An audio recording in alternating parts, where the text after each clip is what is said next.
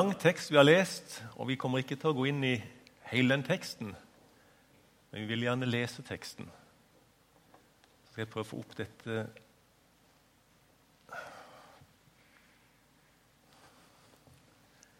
Jeg trenger en ny, hendig talerstol. Syns dere ikke det?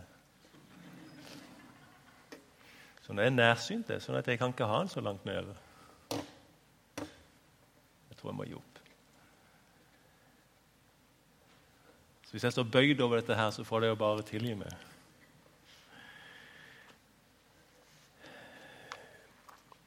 Jeg syns det, er det berører meg å høre vitnesbyrdet til deg, Sami. Alltid når en hører om mennesker som kommer til tro, og de forteller om sin vei, så, eh, så gjør det noe med oss. Og Nå er det en, eh, en annen person her som uh, har et livsforvandlende møte med Jesus, og det er Nikodemus. Det var en mann som het Nikodemus, og hvem var Nikodemus? Jo, han var en uh, fremtredende jøde og en fariseer på Jesu tid. Fariseerne det var de som hadde innvia hele sitt liv til å holde hele loven. Og loven, de fem Mosebøkene, alt det var fra Moses, Lover, regler, bud, forordninger Alt dette holdt de i detalj. Det var deres livsoppgave. De levde for å holde loven. Så om det, å, om det er frelse i å holde loven og gjøre gode gjerninger, da vil fariseerne med Nikodemus stå helt foran i den køen. Men så sier Det nye testamentet at ikke noe menneske blir rettferdig for Gud ved gjerninger som loven krever, bare ved troen på Jesus Kristus. Og Kanskje var det noe av grunnen til at Nikodemus kom til Jesus. Kanskje var det det at han kjente det at han holdt alt dette her og levde jo et eh, eksemplarisk liv, men eh, at noe likevel mangler i livet hans. Kanskje var det det. I alle fall er det noe som drar han til Jesus noe han er i villrede Og Bildet er jo litt underlig, egentlig, fordi at uh, denne mannen fra overklassen, en uh, velstående, superlærd mann, oppsøker en tilsynelatende omflakkende, hjemløs profet som ikke eier nåla i veggen, og som har jobba som tømmermann i Nasaret. Denne mannen søker til den andre for å snakke med han om sin sjel.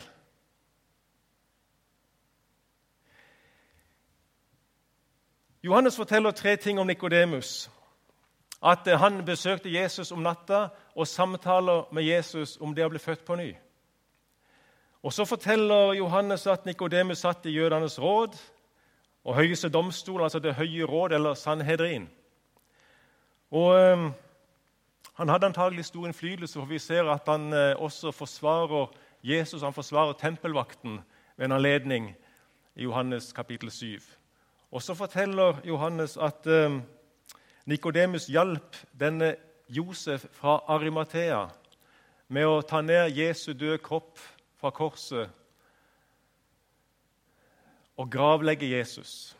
Han kom der og Han hadde med seg 100 pund med en veldig kostbar salve, en blanding av myrra og aloe, som han og Josef brukte da å smøre inn linklærne som de svøpte Jesus i, og så la de han i grava.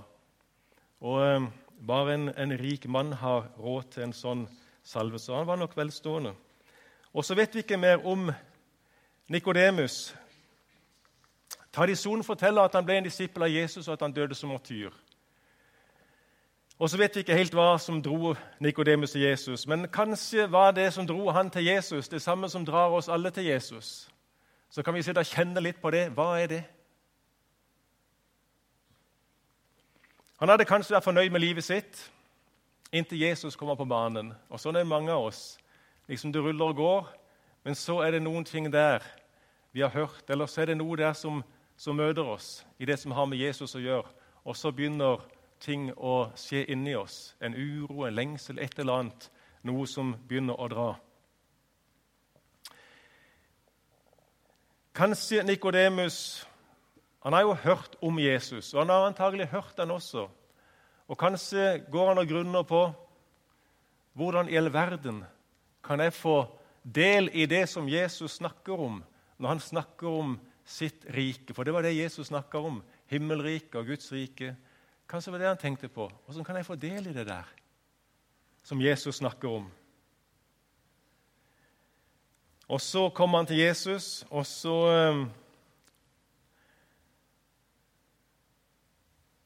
Og Så skjærer bare Jesus tvers igjennom. For Nikodemus er høflig. Han sier liksom sånn at 'vi vet at du er en lærer som er kommet fra Gud', osv. Men så skjærer bare Jesus igjennom, og så sier han litt om dette med Guds rike. Han sier at ingen kan se Guds rike om man ikke er født på ny. Nikodemus, dere må bli født på ny. Og så samtaler de. Og jeg tenker det at det er fint det at eh, Jesus skjærer igjennom der på Nikodemus, og ikke liksom går inn i dialogen med han. Men han ser hva som bor i Nikodemus sitt hjerte. Han ser den villreden han er i. Og Det står i kapittelet før at Jesus visste hva som bodde i mennesket. Og Det der tenker jeg det er fint. At vi ikke alltid må ha tanker og bønner klare, men når vi kommer, så ser Gud inn til vårt hjerte. Han ser hva som rører seg der. David vitner om det i Salme 139 og sier, 'Herre, du ransaker meg, og du vet.' 'På lang avstand kjenner du mine tanker.' Før jeg har et ord på tungen, Herre, kjenner du det fullt ut. Og det tenker jeg at det er godt at den Gud vi har å gjøre med, den Jesus vi tror på, han eh, ser hva som vi bærer med oss inn i rommet, før vi klarer å formulere det i bønner og i ord. Og så møter han oss der. Det kjenner jeg flott. Så Jesus visste hvem Nikodemus var. Han visste at han var en mann med penger, innflytelse, posisjon, kunnskap, anerkjennelse. Men så vekker han en lengsel i Nikodemus etter noe som Nikodemus ikke har. Han hadde jo alt, men han mangla én ting. Nikodemus mangla noe som mange mennesker mangler, men som ingen må mangle. Dere må bli født på ny, sier Jesus. Det mangla Nikodemus. Dere må bli født på ny. Sannelig, sannelig, jeg sier deg, den som ikke blir født på ny Egentlig står det at den som ikke blir født ovenfra, den som ikke blir født av Gud, kan ikke se Guds rike. Dere må bli født på ny. Og så sier Nikodemus.: Hvordan kan en som er gammel, bli født? Kan noen komme inn i sin mors mage igjen og bli født for andre gang? Jesus svarte, 'Sannelig, sannelig, jeg sier deg, den som ikke blir født av vann og ånd, kan ikke komme inn i Guds rike.' 'Det som er født av kjøtt, er kjøtt. Det som er født av ånden, er ånd.' 'Undre deg ikke over at jeg sa til deg, dere må bli født på ny.'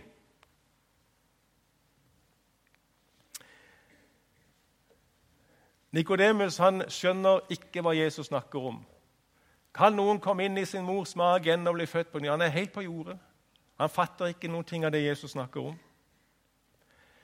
Kanskje han eh, kjenner det at jeg ønsker en forandring i livet, men jeg kan ikke forandre meg sjøl. Hvordan kan dette skje? Født av vann og ånd. Noen mener at vann det er vanndåpen. Noen tenker sånn, og da skulle det kanskje bety at alle som er døpt, er født på ny. Noen tenker om vann at det er det Jesus eh, når han sier for til disiplene at dere er alt rene pga. det ord jeg har talt til dere, at vann står for ord. Eller når Peter skriver at dere er født på ny ved Guds levende ord, som er og blir. Og Noen tenker at vann er den naturlige fødsel. Og Det betyr ikke så veldig mye hva du tenker egentlig om det der. Det viktige er at du er født på ny, født av Ånden.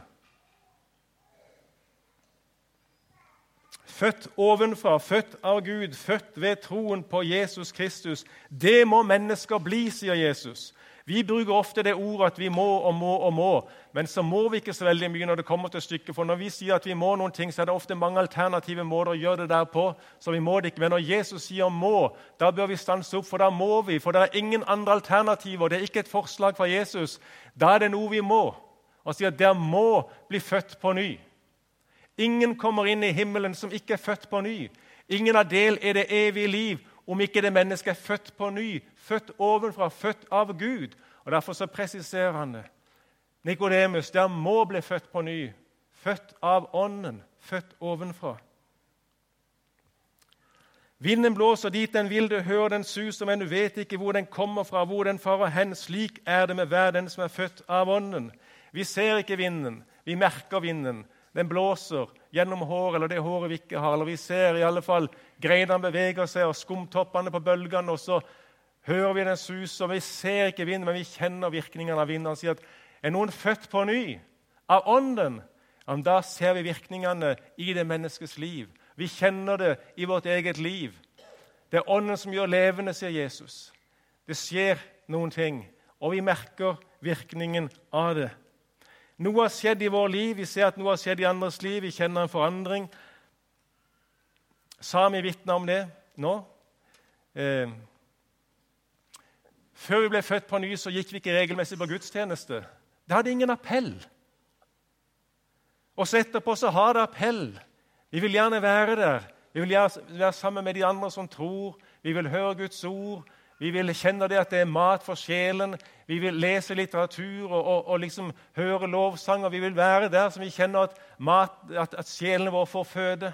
Og så blir det en kjempeforandring i livet. Vi tenker annerledes, og vi lever annerledes i noen sammenhenger osv. Så videre. så, sånn er det å bli født av Ånden.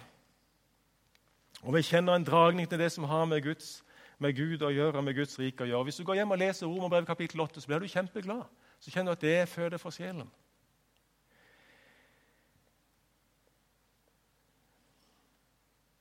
Nikodemus fatter heller ingenting av det der som har med ånden å gjøre, og, og, han spør hvordan kan det skje.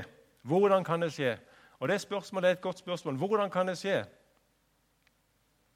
Og Så forklarer Jesus det for ham. De har denne samtalen som strekker seg sikkert over mange timer. Og så forklarer Jesus det for dem.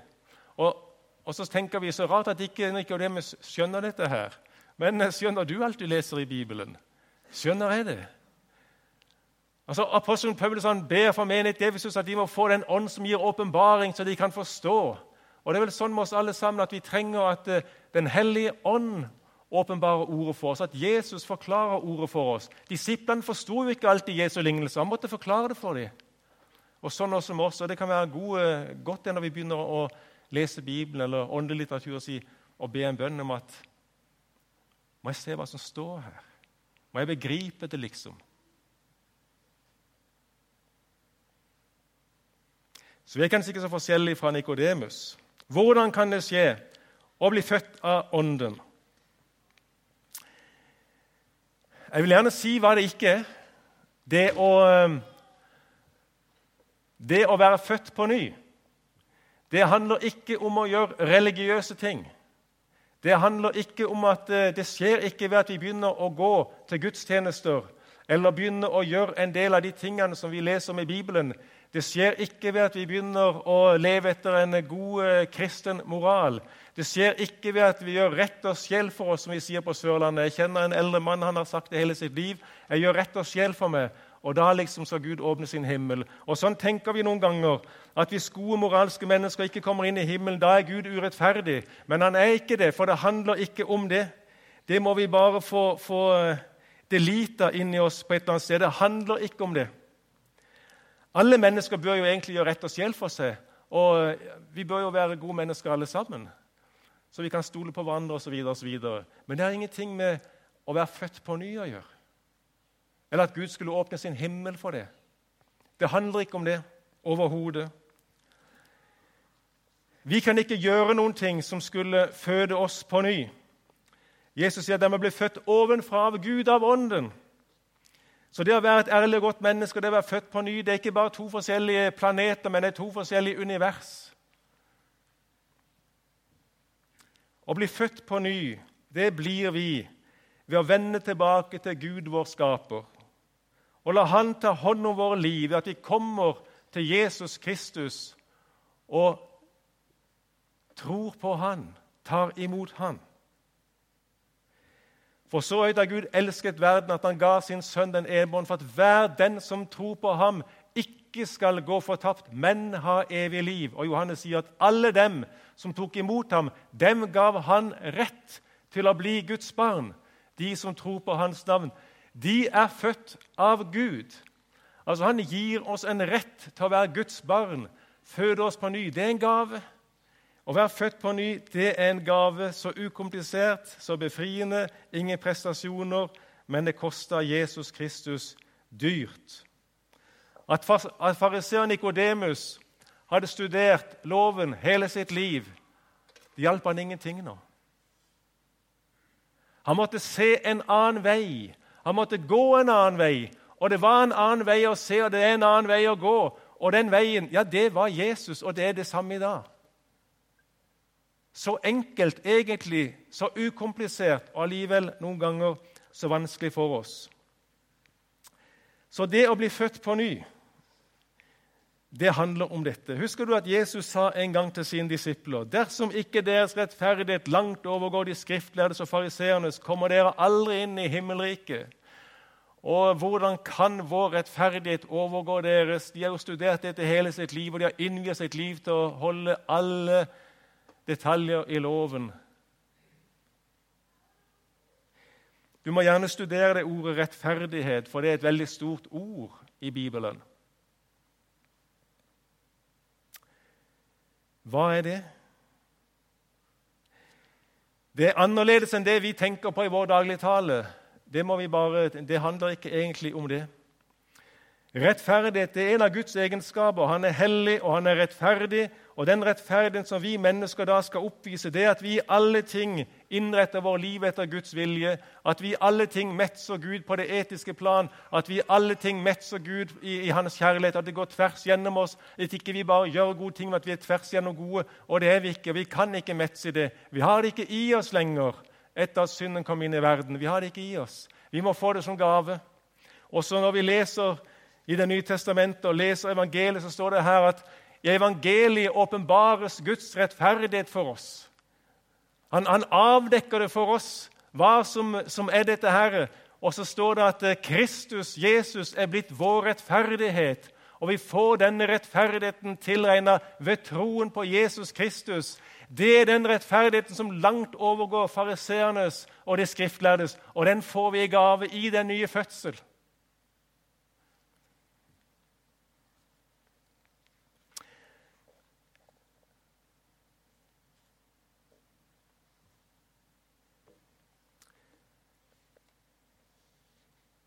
Vi leser sånn i Romerbrevet.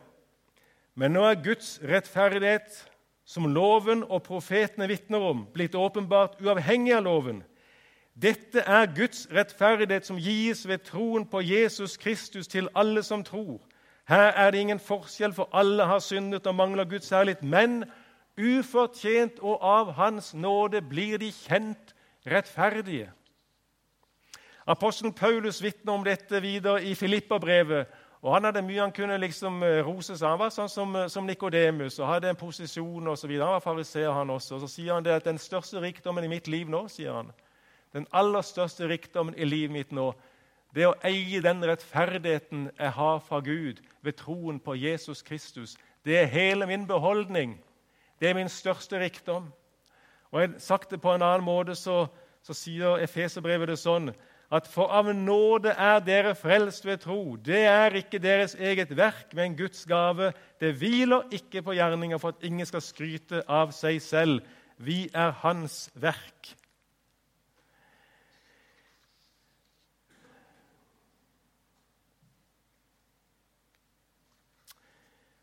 Det å bli født på ny, det å bli skapt på ny Bibelen sier at da vi nye skapninger. Om noen er i Kristus, da er det mennesket, hun og han, en ny skapning. Det gamle er borte, det nye er blitt til. Nye skapninger i Kristus. Vi er alle sammen kommet fra Adam og Eva. Og Når du leser Det nye testamentet, så står det der at Jesus han er den siste Adam. Det å komme til tro på Han bli født ovenfra Gud ved troen på Kristus, å være i Kristus, Det å være en del av en ny menneskehet som utgår fra Kristus, den siste Adam, en ny menneskehet. Som har fremtid, som har håp, som ser frem til en ny himmel, en ny jord. Alt dette. Vi kunne gjerne juble og danse nå.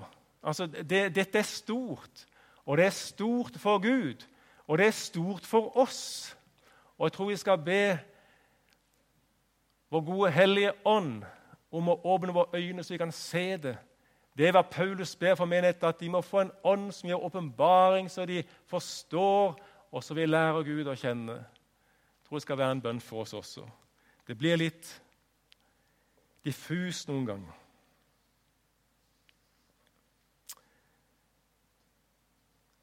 Vi er jo ikke fullkomne fordi vi er født på ny. Vi er oss sjøl.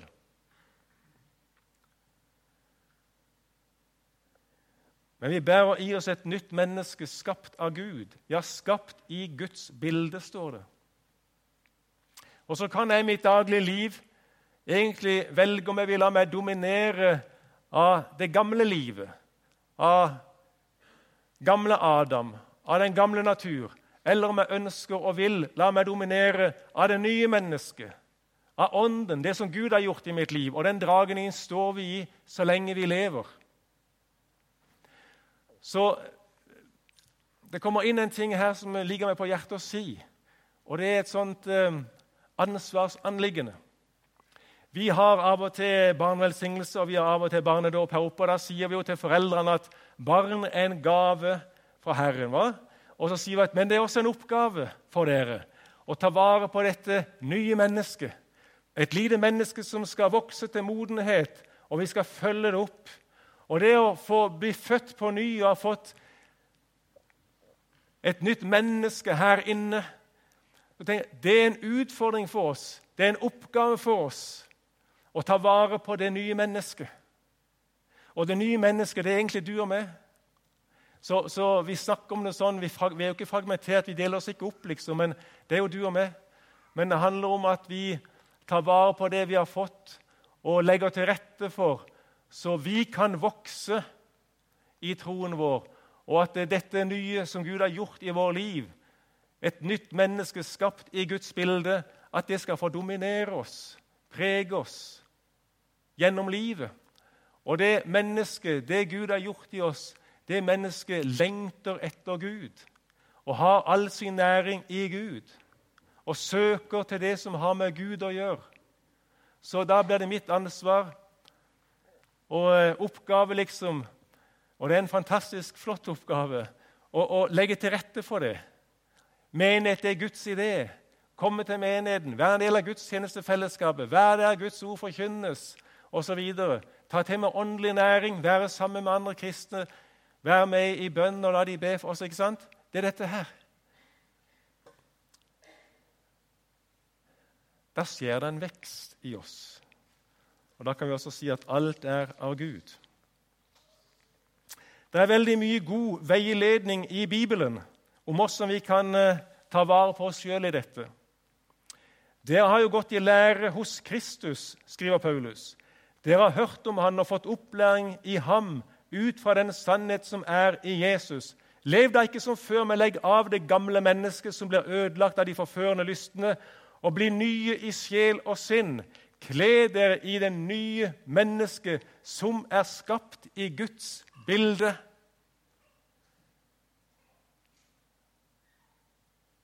Tenk at det står det. Er dere da reist opp med Kristus, og søk det som er der oppe, hvor Kristus sitter ved Guds høyre hånd. La sinnet være vendt mot det som er der oppe. For dere har kledd av dere det gamle mennesket og dets gjerninger, iført dere det nye, det som blir fornyet etter sin skapers bilde, og lærer ham å kjenne. Det blir fornya etter sin skapers bilde.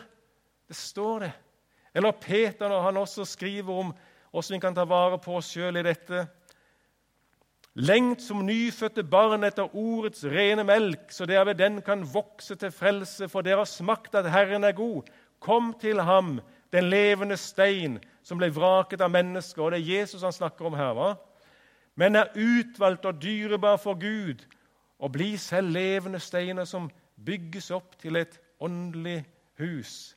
Og Mange steder så kan vi få god veiledning om hvordan vi kan ta vare på det nye mennesket som Gud har skapt i oss. Ta vare på oss sjøl. Jeg har en påstand, og den er sånn Tar du vare på det nye mennesket i deg, så vil det mennesket ta vare på deg. Jesus sier det sånn 'Bli i meg, så blir jeg i dere'. Skal vi be en takkebønn sammen? Herre Jesus Kristus, vi takker deg for dette under at vi kan ved troen på deg, ved å høre evangeliet, høre og la oss dra inn til deg, bli født på ny, Herre. Født ovenfra, født av Ånden. Takk at du har gjort det, Herre. Og så ber vi oss at du skal vinne skikkelse i oss på den måten at du fyller oss med Den gode, hellige ånd, Herre.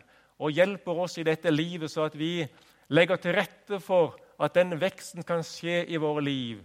At det vi kjenner lengter etter der inne, at det får sin næring og sin føde hos deg, Herre Jesus Kristus. Og takker vi deg for at alt er av Gud. Amen.